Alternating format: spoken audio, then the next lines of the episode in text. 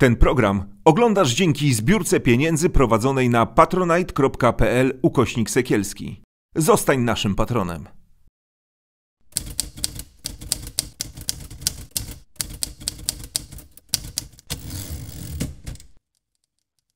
Damian Gruszczyński i kolejne spotkanie z serii z innej strony. Na początek, jak zawsze, małe ogłoszenia parafialne. Yy, Wielu z Państwa pytacie mnie, yy, w jaki sposób dotrzeć do archiwalnych materiałów moich czy yy, wszystkich innych autorów Sekielski Brothers Studio. Sprawa jest bardzo prosta. Wystarczy zasubskrybować kanał na y, portalu YouTube. Wystarczy y, włączyć powiadomienia na stronie sekielscy.pl bądź też y, dodać do ulubionych y, kanał na y, Spotify. Tam znajdą Państwo wszystkie moje rozmowy, więc także i tą dzisiejszą.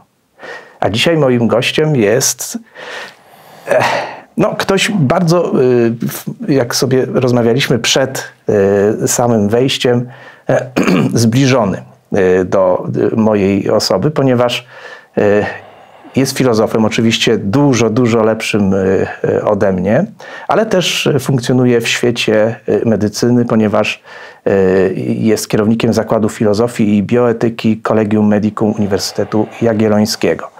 Y, No, oprócz tego jest też stałym publicystą polityki, Gazety Wyborczej, Tygodnika Powszechnego, Newsweeka, Przekroju. Przepraszam, jeżeli wszystkich tytułów nie wymieniłem. No tamtych dwóch przekroju i tygodnika to już od dawna nie, ale kiedyś tak było faktycznie. Y, prowadzi y, bardzo, bardzo ciekawy vlog, który się nazywa Mondrale. Zachęcam także, żeby poszukać na YouTubie. Bardzo łatwo to zapamiętać. Y, Jest, y, tak jak wspomniałem, filozofem, jest bioetykiem. Moim dzisiejszym gościem jest pan profesor Jan Hartman. Dzień, dobry, dzień dobry Państwu. Dzień dobry. Y, Nie sposób tak naprawdę wszystkich miejsc, w których się udzielasz, czy jako filozof, czy jako bioetyk, wskazać. Mnie bardzo ciekawi tak naprawdę, i zadaję to zawsze na samym początku wszystkich moich rozmów. Tylko, że w Twoim przypadku sprawa jest troszeczkę trudniejsza, ponieważ y, no, jesteś e, synem słynnego e, na całą Europę, o ile nie świat, matematyka, pana profesora Stanisława Hartmana.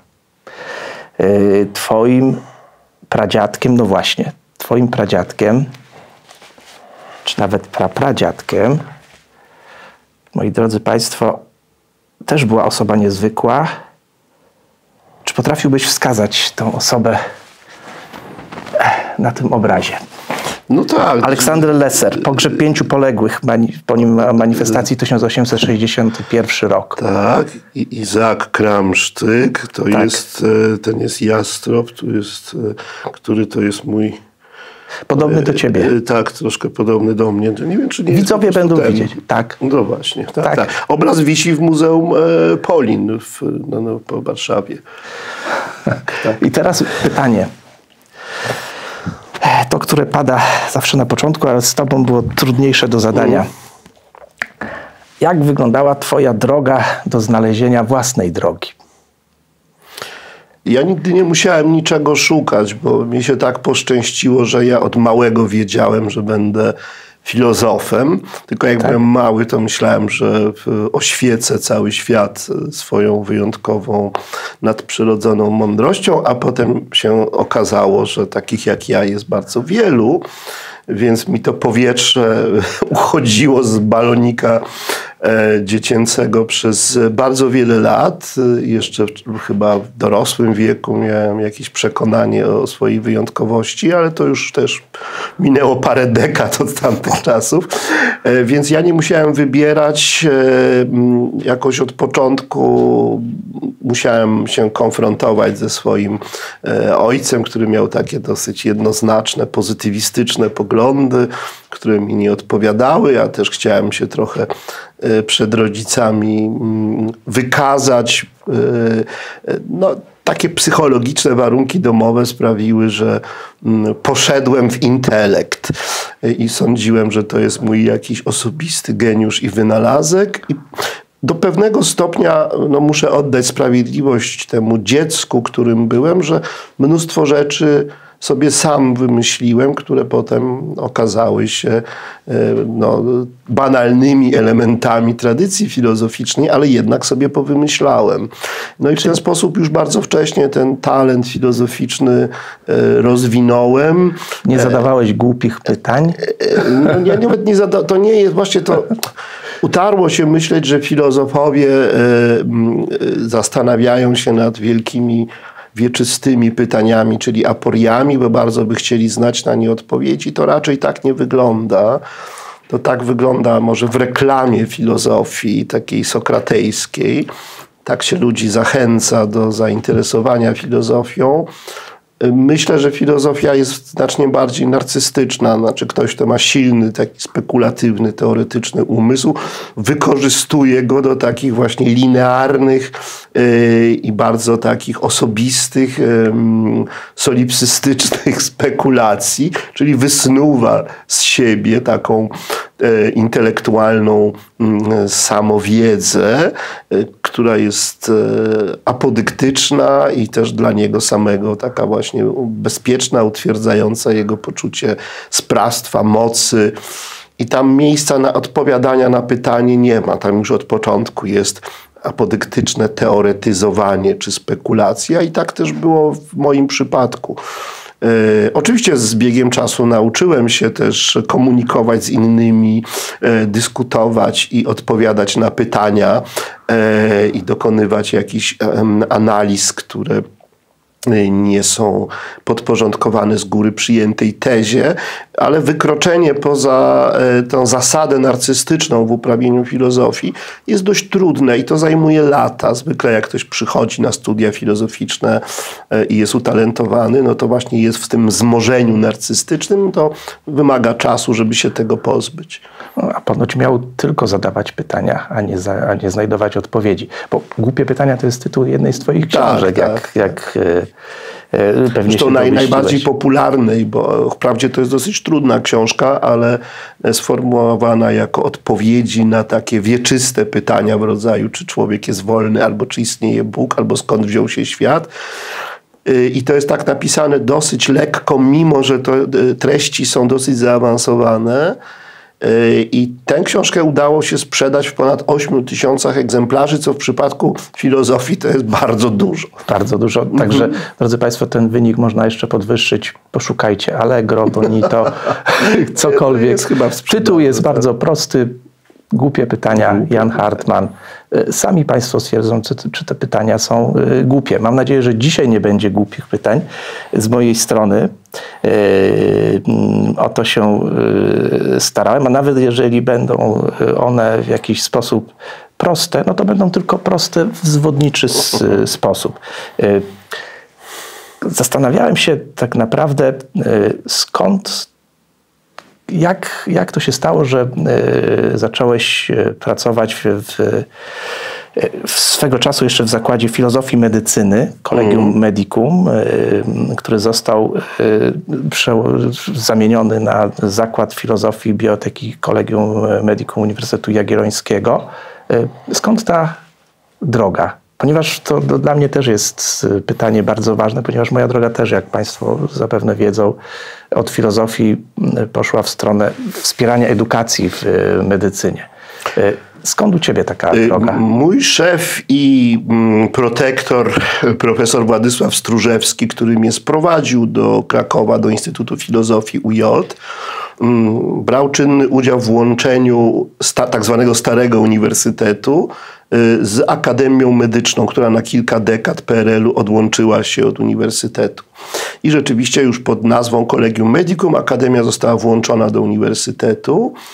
Y, I tam mm, funkcjonujący zakład filozofii służący propagowaniu marksizmu y, no, został profesorowi Stróżewskiemu oddany pod opiekę na pewien czas i on jakby miał przez jakiś czas dwa, dwa stanowiska. Był profesorem filozofii w Instytucie Filozofii na Starym Uniwersytecie, na Wydziale filozoficzno-historycznym, wówczas później filozoficznym i miał ten y, zakład filozofii medycyny wówczas przy Wydziale Lekarskim.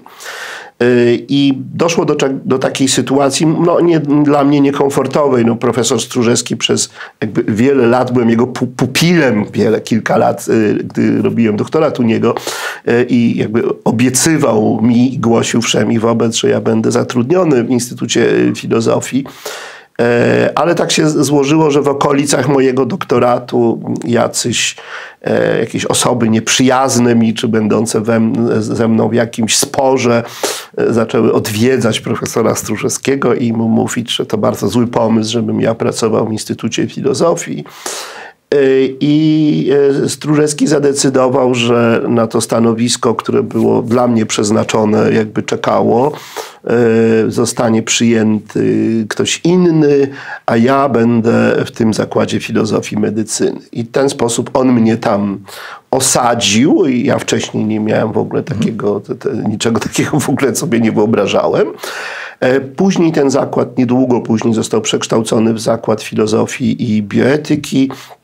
On od wielu lat jest w strukturach Wydziału Nauk o Zdrowiu. I ja już tam zostałem. Mówiło się przez kilka lat, że może wrócę do Instytutu Filozofii, albo że my się połączymy z Instytutem Filozofii, ale tak się w końcu nie stało. I muszę powiedzieć, że w Kolegium Medicum jest mi bardzo dobrze. To jest niezwykle sprawnie funkcjonująca y, uczelnia i też ten nasz wydział, Wydział Nauk o Zdrowiu, praktycznie od zera zaczynał kilkanaście lat temu i w tej chwili jest no, jednym z najlepszych wydziałów, jeśli nie najlepszym wydziałem ochrony zdrowia, nauk o zdrowiu e, y, w Polsce i cieszę się, że jestem tam. Poza tym dostałem jakby nową no nie nowy zawód, ale nie, nową, nową domenę tak. kompetencji, tak. zupełnie dla mnie w, wtedy nową, a mówimy o roku 80, 95, kiedy zostałem tam zatrudniony, to jej to już 26 lat temu. E, właściwie po doktor, właściwie tak mniej więcej w okolicach doktoratu, bo najpierw przez semestr pracowałem w Instytucie Filozofii w oczekiwaniu na no właśnie to zatrudnienie formalnie, ale już potem od, od października 95 Mm, nie, 94 jeszcze chyba, bo sam Niektórzy nie wiedzą, okolicach doktoratu. Zostałem, w 95 robiłem doktorat chyba, zostałem zatrudniony tam i y, zacząłem się uczyć bioetyki. Hmm. Y, I wprawdzie ja nie zostałem żadnym ważnym bioetykiem, napisałem podręcznik bioetyka dla lekarzy, trochę artykułów, ale nie zostałem żadnym ważnym bioetykiem, ale muszę powiedzieć, że koledzy, których y, no, zatrudniłem, bo w tamtych czasach, tamtych do niedawna, to szef zatrudniał właściwie kogo chciał. No więc e, osoby młodsze, które zatrudniłem e, w swoim zakładzie, bardzo szybko się z filozofów e, przekwalifikowali na bioetyków i w tej chwili mamy dzięki, to są już bardzo dojrzali pracownicy, mamy dzięki takim osobom jak profesor Marcin Waligura i doktor Jan Piasecki, mamy no chyba najważniejszy ośrodek bioetyczny, no nie, na pewno najważniejszy ośrodek bioetyczny w Polsce i no już taką mm, plamkę widoczną na europejskiej mapie bioetyki, bo oni po prostu bardzo dobrze publikują w takiej e, no, bioetyce twardej, naukowej. Natomiast ja jestem, pozostałem filozofem humanistą bardziej. E, moje związki z bioetyką są raczej takie no, z takiego poziomu filozoficzno-humanistycznego to jest już tak troszkę gasnąca e, e, gałąź bioetyki, taka tradycyjna, ale często w swojej publicystyce odwołuje się do problematyki bioetycznej, mm, bo bioetyka w naturalny sposób funkcjonuje również w mediach. Przy czym najczęściej, gdy chodzi o kraje, no powiedzmy sobie, mm, nie będące w centrum cywilizacji Zachodu, ujmijmy to w ten sposób, poziom tej debaty publicznej na tematy bioetyczne jest niezbyt wysoki. I jakby wa warto, żeby ludzie, którzy coś o tym wiedzą, też taką publicystykę uprawiali, więc ja trochę takich tekstów o bioetyce również publikuję, ale w ogóle tej publicystyki ja robię, że się tak wyrażę, no, strasznie dużo. Ja pięć tekstów w tygodniu publikuję. To jest od, od bardzo wielu lat. To jest po prostu taka masa, że aż mnie to przeraża i się aż tego trochę wstydzę, bo to nie ma szans, żeby to wszystko było dobre. Może, a ja chciałem o jednym z twoich mm. tekstów i o jednym z tematów takich no, powiązanych z, porozmawiać, ale jak teraz No jestem do twojej dyspozycji. Jak powiedziałeś, że pięć, pięć tygodniowo tekstów, to na pewno jakkolwiek jestem pewien, że akurat ten temat, który się mm. bardzo mhm. wiąże z, z, z etyką, z bioetyką, mm. z mhm. medycyną, z filozofią i z tą gałęzią humanistyczną w bioetyce, o której mówiłeś i z, na której jeszcze siedzisz. Mm. Mówię oczywiście o sprawie śmierci pani Izabeli z mm Pszczyny i o tym, jak ta sprawa, tragiczna, ta sprawa, która poruszyła e, serca, sumienia, duszę, cokolwiek. Przy tobie to nie można za bardzo pojęciami e, szermować. E, jak ta sprawa wygląda z Twojego punktu widzenia, to raz, ale dwa, jak ta sprawa pokazała, jakie my jako społeczeństwo mamy braki w rozumieniu tego, czym spór o aborcję spór. Czym jest w ogóle e, zagadnienie problemu e, aborcji? Czym jest to, z czym teraz się e, zderzamy? Wiesz, o którym tekście mówię. Nie wiesz, bo pięć. Nie wiem o którym swoim tekście, ale wiem oczywiście o sprawie, która jest bulwersująca i smutna. Bardzo dobrze, że społeczeństwo mm, poznało te, ten przypadek. Takich mhm. przypadków jest oczywiście więcej. Generalnie e, nie tylko w Polsce, w wielu krajach, również w Stanach Zjednoczonych, e, lekarze e, czują się zastraszeni, a przynajmniej czują presję o charakterze ideologicznym, o charakterze prawnym. Czasem jest to również presja ze strony mediów.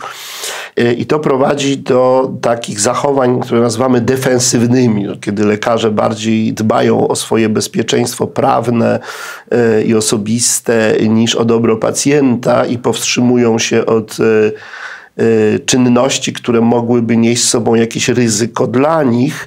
Mhm, y, I oczywiście aborcja jest jednym z tych y, przypadków, no, zwłaszcza w krajach, gdzie istnieje presja ideologiczna czy instytucjonalna i prawna, żeby decyzji o zakończeniu ciąży nie podejmować i aborcji nie wykonywać, bądź robić to w ostateczności. No i to jest oczywiście przykład taki bardzo drastyczny, kiedy ta defensywna postawa lękowa, podstawa lekarzy, którzy się bali konsekwencji, e, no, w tym wypadku mm, e, udzielenia świadczenia niezbędnego i wymaganego e, zasadami sztuki lekarskiej, zasady sztuki lekarskiej, kiedy ten lęk doprowadził do czegoś zupełnie przeciwnego, czyli do dramatycznego błędu medycznego, zaniechania i do śmierci pacjentki. No, oni czekali aż płuto bumrze, żeby bezpiecznie z punktu widzenia własnego bezpieczeństwa prawnego e, dokonać e, aborcji,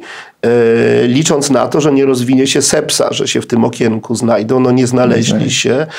Pacjentka zmarła. Mam nadzieję, że lekarze poniosą konsekwencje i inni lekarze zobaczą, że lęk jest, prowadzi donikąd. Lekarz musi mieć odwagę, działać y, w takich warunkach, jakie są. Warunki prawne, warunki ideologiczne, y, warunki mm, powiedzmy sobie polityczne uprawiania zawodu lekarza w różnych miejscach świata bywają trudne. Lekarz to jest zajęcie dla odważnego człowieka, człowieka, który podejmuje ryzyko również moralne, to znaczy liczy się z tym, że popełni błąd moralny, że obciąży samego siebie czy samą siebie winą moralną ryzyko prawne, musi się liczyć z tym, że czasami znajdzie się w konflikcie mm, z, z prawem, czy też w konflikcie z jakimś e, interesariuszem, pacjentem, placówką medyczną, e, konfliktem, który będzie musiał rozstrzygać sąd. Musi to wszystko brać pod uwagę. To jest zawód dla odważnych po prostu. Jak ktoś jest tchórzliwy albo ktoś jest egoistą i chce spokojnie i bezkonfliktowo sobie pracować, unikając wszelkich kłopotów i problemów, to lepiej, żeby wybrał e, inny zawód. Lekarz musi się liczyć z kłopotami i musi się liczyć z tym, że będzie czasem się zdarzy, że kogoś skrzywdzi, że popełni błąd zawodowy, bądź błąd moralny, bądź też niechcący, w sposób niezawiniony, y, y, doprowadzi do czyjejś krzywdy i też w jakimś stopniu będzie musiał za to y, odpowiadać. Mam nadzieję, że dzięki że śmierć tej pani nie pójdzie na marne w tym sensie, że wielu ludzi się dowie, jak to rzeczywiście wygląda. W tym między innymi dowie się, jakie są konsekwencje e, przenoszenia mm, e, ideologii religijnej, e, czy też jakiegoś prawa wyznaniowego na prawo stanowione i jak kończą się ingerencje religijne czy ideologiczne e, w prawo medyczne. Tam, gdzie medycyna bardzo źle znosi ideologię, bardzo źle znosi e, taki, taką presję polityczną, bardzo źle znosi rozgrywanie e, jej, jej wewnętrznych spraw przez polityków i również przez niekompetentne media, co nie znaczy, że media nie powinny bardzo się interesować tym, co się dzieje w medycynie, również e, nadużyciami, które tam występują, ale no, apeluję, żeby robili to wyspecjalizowani dziennikarze znający się na rzeczy, bo też bardzo łatwo o, krzywdzące opinie o lekarzach. Znaczna część tych większość niepożądanych zdarzeń, nie mówię o tym konkretnym przypadku, bo to jest na pewno błąd, tego nikt nie podważa. Ale e, znaczna część, jeśli nie większość niepożądanych zdarzeń w medycynie, e, to nie, nie jest wynik błędów, tylko no, statystyki. Medycyna jest ryzykowna. E, procedury medyczne niosą z, siebie, z sobą zawsze jakieś ryzyko i mogą być całkowicie poprawnie, prawidłowo, zgodnie z zasadami sztuki leczenia wykonane, a mimo to skończyć się niepowodzeniem bądź jakimiś skutkami pobocznymi, które były no, niepożądane, ale prawdopodobne. Czyli medycyna jest ryzykowna. Może być tak, że ktoś jest znieczulony do operacji prawidłowo, ale się nie obudzi. No, jeden na milion się nie wybudzi. To nie znaczy, że anestezjolog popełnił błąd. Tylko, że to jest troszeczkę coś innego chyba, bo y, nie ma tutaj tego kagańca. Yy prawa stanowionego. Dura lex sed lex dla takiego lekarza, patrząc z jego z punktu widzenia. E, dlaczego ma funkcjonować w to jest teza taka, prawda? Dlaczego ma funkcjonować w takiej sytuacji prawnej, gdzie yy, od, yy, Błąd lekarski to jest troszeczkę chyba coś innego. Tam jest jakaś e, doza podejmowania rzeczywiście ryzyka, ale e, ona jest wliczona, ten błąd lekarski jest wliczony w jakby wykonywanie e, zawodu lekarza. Nie, nie, to zdarzenie niepożądane, ale... niepowodzenie terapeutyczne tak. jest wliczone. Błąd jest niedopuszczalny, ale błąd, ale błąd nie należy jest... go mylić z niepowodzeniem terapeutycznym bądź z powikłaniami, które statystycznie mogą mieć miejsce po prawidłowym prawidłowo wykonanej procedurze medycznej. Można prawidłowo wykonać operację, ale rana się nie zespoli, bo w pewnej liczbie przypadków jest kłopot z gojeniem się ran i mamy powikłanie, ale to nie jest wina lekarza. I ludzie nie, często tego nie rozróżniają, nie odróżniają błędu od e, no, takich negatywnych, niepożądanych wydarzeń jatrogenicznych, czyli e, spowodowanych, lecz nie zawinionych przez lekarza. E, I to wszystko wrzucają ludzie do jednego worka. Znaczy te błędy i te niepowodzenia terapeutyczne i te powikłania, no wszystko, co się źle dzieje pacjentom, ludzie mają skłonność widzieć w jednej kategorii, a to są różne to jest, kategorie. To, jest, to, są różne kategorie, mm -hmm. to jest mhm. bardzo, bardzo cieniutka granica między błędem a niepowodzeniem. Y, no, znaczy ona bywa cienka, ale wtedy no, no biegli tam próbują to roz, rozróżnić, ale czasami nie jest cienka. No jak ktoś zostawi komuś nożyczki w ranie operacyjnej, to nie ma problemu, błąd został popełniony na pewno. Natomiast jeżeli powiedzmy y, zużyto bardzo dużo krwi, a pacjent ledwo żyje po operacji i rehabilitacja trwa trzy razy dłużej, to może być naprawdę y, no, nie do końca jasne, czy to był słaby zły y, operator, czy to był no, słaby organizm tego pacjenta i to wymaga, y, jeżeli jest konflikt, to wymaga y, bardzo fachowej ekspertyzy i często jest tak, że pacjent nie jest zadowolony, bo ta ekspertyza jest na korzyść tego lekarza, panuje przekonanie słuszne, że korporacja medyczna y, jest solidarna wewnętrznie i biegli lekarze raczej sprzyjają lekarzom, których działanie badają y, również przed sądami powszechnymi. No w końcu występują biegli lekarze, więc poczucie pacjentów, że lekarze ze sobą trzymają, że korporacja jest y, egoistyczna, no ma podstawy w rzeczywistości, ale z drugiej strony też nie ma innej możliwości. Zawsze lekarz musi ocenić, czy inny lekarz popełnił błąd. Po prostu e, świat medyczny jest dzięki swojej ezoterycznej e, i rzadkiej wiedzy e, jest bardzo dużym stopniu autonomiczny i słabo poddaje się kontroli zewnętrznej, ale na szczęście ona jest. Bioetyka taką kontrolę zapewnia. Bioetyka to jest instytucjonalna, to jest cały system społecznej kontroli medycyny, zdrowia publicznego, Y, powierzonej osobom fachowym. Nie o to chodzi, żeby publiczność sobie oceniała lekarzy. Chodzi o to, że, że, osoby fachowe, często lekarze, ale nie tylko, bo to są też prawnicy, socjologowie, psychologowie, którzy stają się bioetykami, oceniają w sposób bezstronny, bez istotnego konfliktu interesów, oceniają to, co dzieje się w y, medycynie i wydają stosowne rady, rekomendacje, zalecenia. Y, które potem najczęściej też stają się częścią prawa medycznego. Y, I to jest o wiele lepszy model niż ten stary, w którym lekarze są sędziami we własnych sprawach od początku do końca.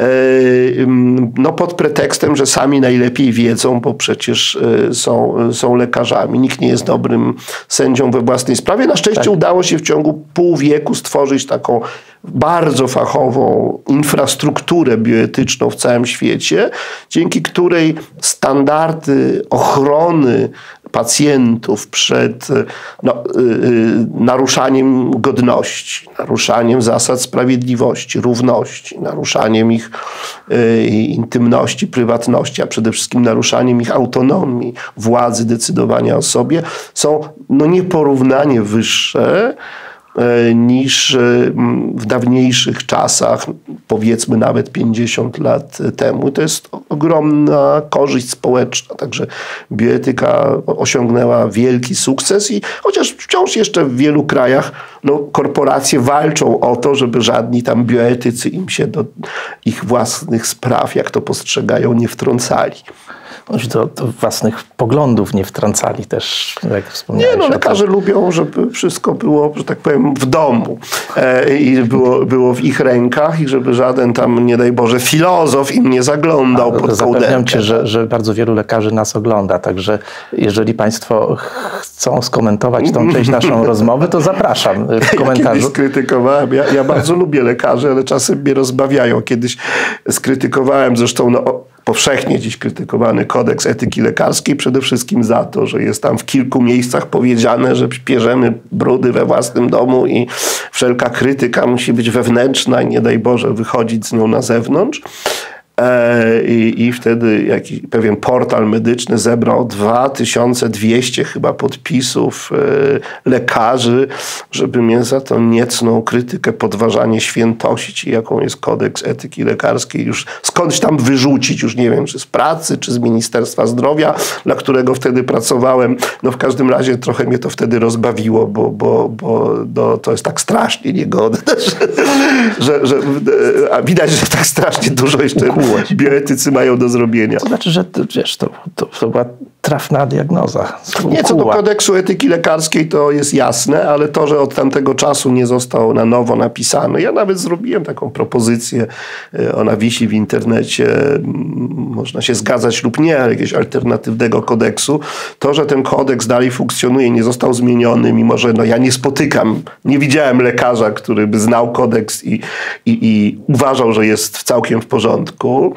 E, profesora medycyny, który by tak uważał, nie poznałem jeszcze. E, I to, że nie został zmieniony, to pokazuje, jak bardzo lekceważy się tę stronę etyczną, dlatego, że uważa się, że to jest takie bla, bla, bla, że to jest taka mowa trawa, taka zasłona dymna, aksjologiczna, poza którą właściwie można robić po swojemu. Robienie po swojemu nazywa się w takich krajach... Mm, e, jak je nazwać, powiedzmy, no nie wiem, e, e, no, od otoczenia Zachodu, o, okay. nie wiem, na przykład środkowo, środkowo-wschodnioeuropejski nazywa się um, robienie po swojemu, czy nazywa robienie zgodnie z własnym sumieniem, prawda? To też jest e, taki znaczy naprawdę absurdalny, ale też w jakiś sposób zabawny dowód kompletnej nieznajomości etyki, jak ludziom się wydaje, że y, gwarancją słusznego, nienagannego moralnie postępowania jest y, bardzo głębokie osobiste przekonanie, że dany sposób działania czy dany czyn y, jest, jest, jest dobry. Ta pełna subiektywizacja nikła podstawa no, no, oceny moralnej, normy tak. moralnej jest, jest dowodem zupełnego braku orientacji w problematyce etycznej.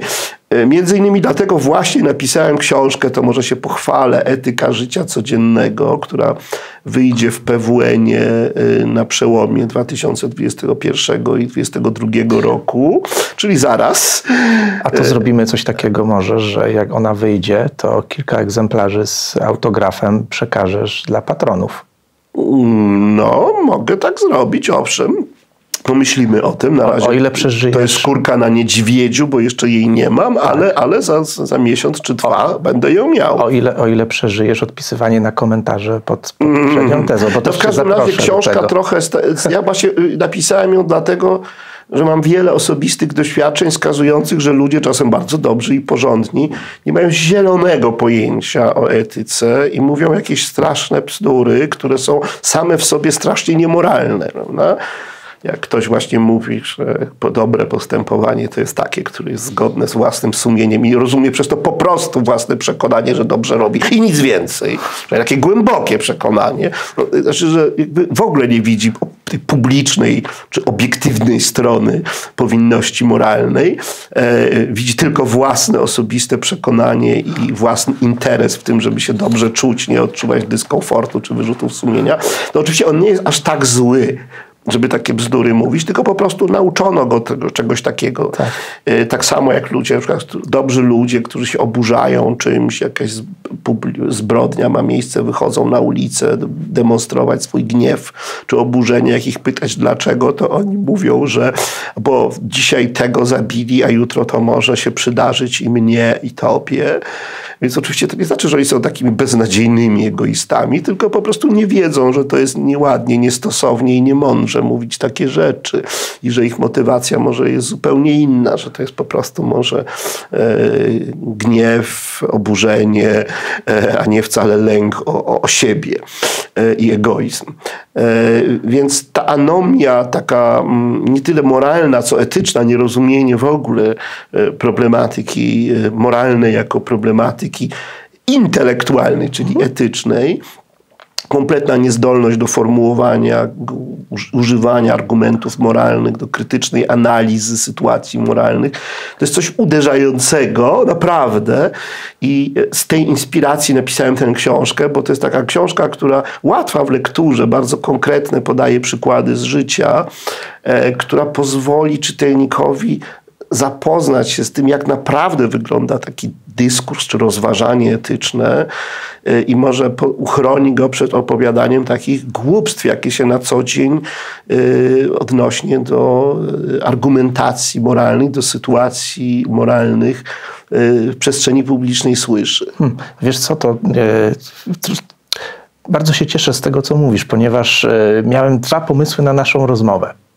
I jednym z nich był właśnie pomysł docieczenia do tego, dlaczego w naszym kraju wygląda sytuacja tak, jak wygląda. Ja y, widziałbym tutaj jako jedną z przyczyn absolutny brak y, kształcenia w zakresie filozofii na poziomie szkoły podstawowej, y, średniej. Y, no, na studiach gdzieś, filozofia gdzieś tam funkcjonuje i y, no, ta, taką miałem tezę, także troszeczkę się osłabiam w tej dyskusji, mhm. ale myślę, że jeszcze raz się spotkamy, wtedy, kiedy już ta książka się pojawi e, i ja ją oczywiście e, przeczytam. Ty w tym czasie zdążysz napisać 12 innych tekstów mhm. I, i byśmy na ten drugi temat porozmawiali. Jeżeli przyjmiesz moje zaproszenie, Nie, ja to, to jest chętnie. oficjalne. No tym bardziej, że to będzie w jakiś sposób promocja mojej nowej książki. To jest książka dla wszystkich, więc no, zależy mi oczywiście na tym, żeby ludzie o niej słyszeli. Pewnie bardzo chętnie przyjdę. Jesteśmy, jesteśmy w tak, tak zwanym bastionie myśli niezależnych, bo to jest fort, jak mm, widzisz. Mm, I, i, I, wszelkie tego typu y, y, projekty, które się pojawiają, bardzo chętnie y, przedstawiamy szerszemu ogółowi. Także zaproszenie już jest, czyli drodzy Państwo, ja nie będziesz moim gościem na wiosnę mm-hmm. znowu, tylko daj mi przeczytać tą mm-hmm. książkę. A zmierzając w stronę końca naszej rozmowy, bośmy sobie zaplanowali czas na jej, na, na jej trwanie, zapytam Cię, jaką najtrudniejszą ścianę przeszedłeś w Tatrach? W Tatrach? Ojej, ja, ja nie byłem żadnym wielkim taternikiem. Ale Myślę, że wschodnia, najwschodniejsza była droga przez e, środek wschodniej ściany Mięguszowieckiego Szczytu Wielkiego. Y, to była chyba jaka taka wariant drogi Stanisławskiego i to było ponad szóstka, ale to dlatego, że kolega, który był moim partnerem, e, miał ksywkę Bonatti. Bonatti to był taki wielki alpinista, ale ten, to nie ten Bonatti. E, wypuścił mnie w komin nie w kanał, tylko w komin. Jeszcze gorzej. Tak, przewieszony ze słabą asekuracją. Ja bardzo prosto, część, tam jest taka duża, duża eksponowana płyta e, z kominem e, właśnie w środku tej ściany i ja przeszedłem tak direttę taką przez ten komin, e, zamiast to ominąć gdzieś tam z lewej strony i więc zrobiliśmy wariant. Ja nie sprawdzałem jego trudności, ale no, orientuję się na tyle, że wiem, że to było mocne 6 albo 6 plus, e, ale to było trochę z przypadku e, i, i to była rzecz najtrudniejsza, jaką, jaką robiłem. E, no tak, to ja wiem, no, zimą robiłem filar Mięgusza, ale to są dla ludzi, którzy są taternikami porządnymi, a nie takimi niedzielnymi, jak ja byłem w latach 80., to to śmiechu warte. Ale dla takiego człowieka jak ja, który no, nie jest może urodzonym sportowcem i atletą, y, to dla mnie to był, to, to był już jakby szczyt możliwości. Y, tak, troszkę tych takich y, trudniejszych dróg na mnichu też kilka zrobiłem, a co czy trudniejszych. No dzisiaj młody człowiek przychodzi i łoi 6.1, 6.2 i dla niego to jest nic, a dla mnie, nie wiem, y, jakieś tam poprowadzenie mm, kantu klas mm, klasycznego na mnichu, ale ty się też spinasz, wiesz o czym mówię? Kantu klasycznego na, na, na mnichu to była, bo rzeczywiście zrobiłem, to dla mnie jest trudne, no ale to do, do, do no, każdy ma inny ten pułap. Mój był bardzo y, niski, więc takich wielkich rzeczy, przepraszam, nie, nie, nie robiłem. Dla mnie spinanie się 5 plus to już było spinanie się takie no, no powiedzmy sobie na stosownym do moich możliwości poziomie, a sześć tatrzańskie to już trochę za dużo dla mnie. Y, usatysfakcjonowała cię ta odpowiedź? Ja myślę, że widzów Ale rozumiem, że ty robiłeś trudniejsze rzeczy. Niestety nie. a i nie mówię tego, żeby zachować dobre samopoczucie twoje. Y, czego ci życzyć? Bo teraz zbliżamy się do nowego roku. Tak pytanie na, na koniec. Czego można życzyć filozofowi takiemu wybitnemu jak ty no, na koniec e, w końcu roku 2021 na 2022? I ja jestem e, na takim etapie życia, w którym prze, prze, przeszedłszy zawirowania różne i burze, potrzebuję spokoju wewnętrznego i zewnętrznego, więc bardzo proszę o takie właśnie życzenia, żeby ten następny rok był zupełnie nijaki, spokojny i, i wewnętrznie, i zewnętrznie, żebym po prostu sobie spokojnie robił swoje, czyli czytał i pisał. To będę pierwszym, który Ci te życzenia bardzo. złoży. Bardzo dziękuję, dziękuję Ci za rozmowę. Ten program oglądałeś dzięki zbiórce pieniędzy prowadzonej na patronite.pl ukośnik Sekielski. Zostań naszym patronem.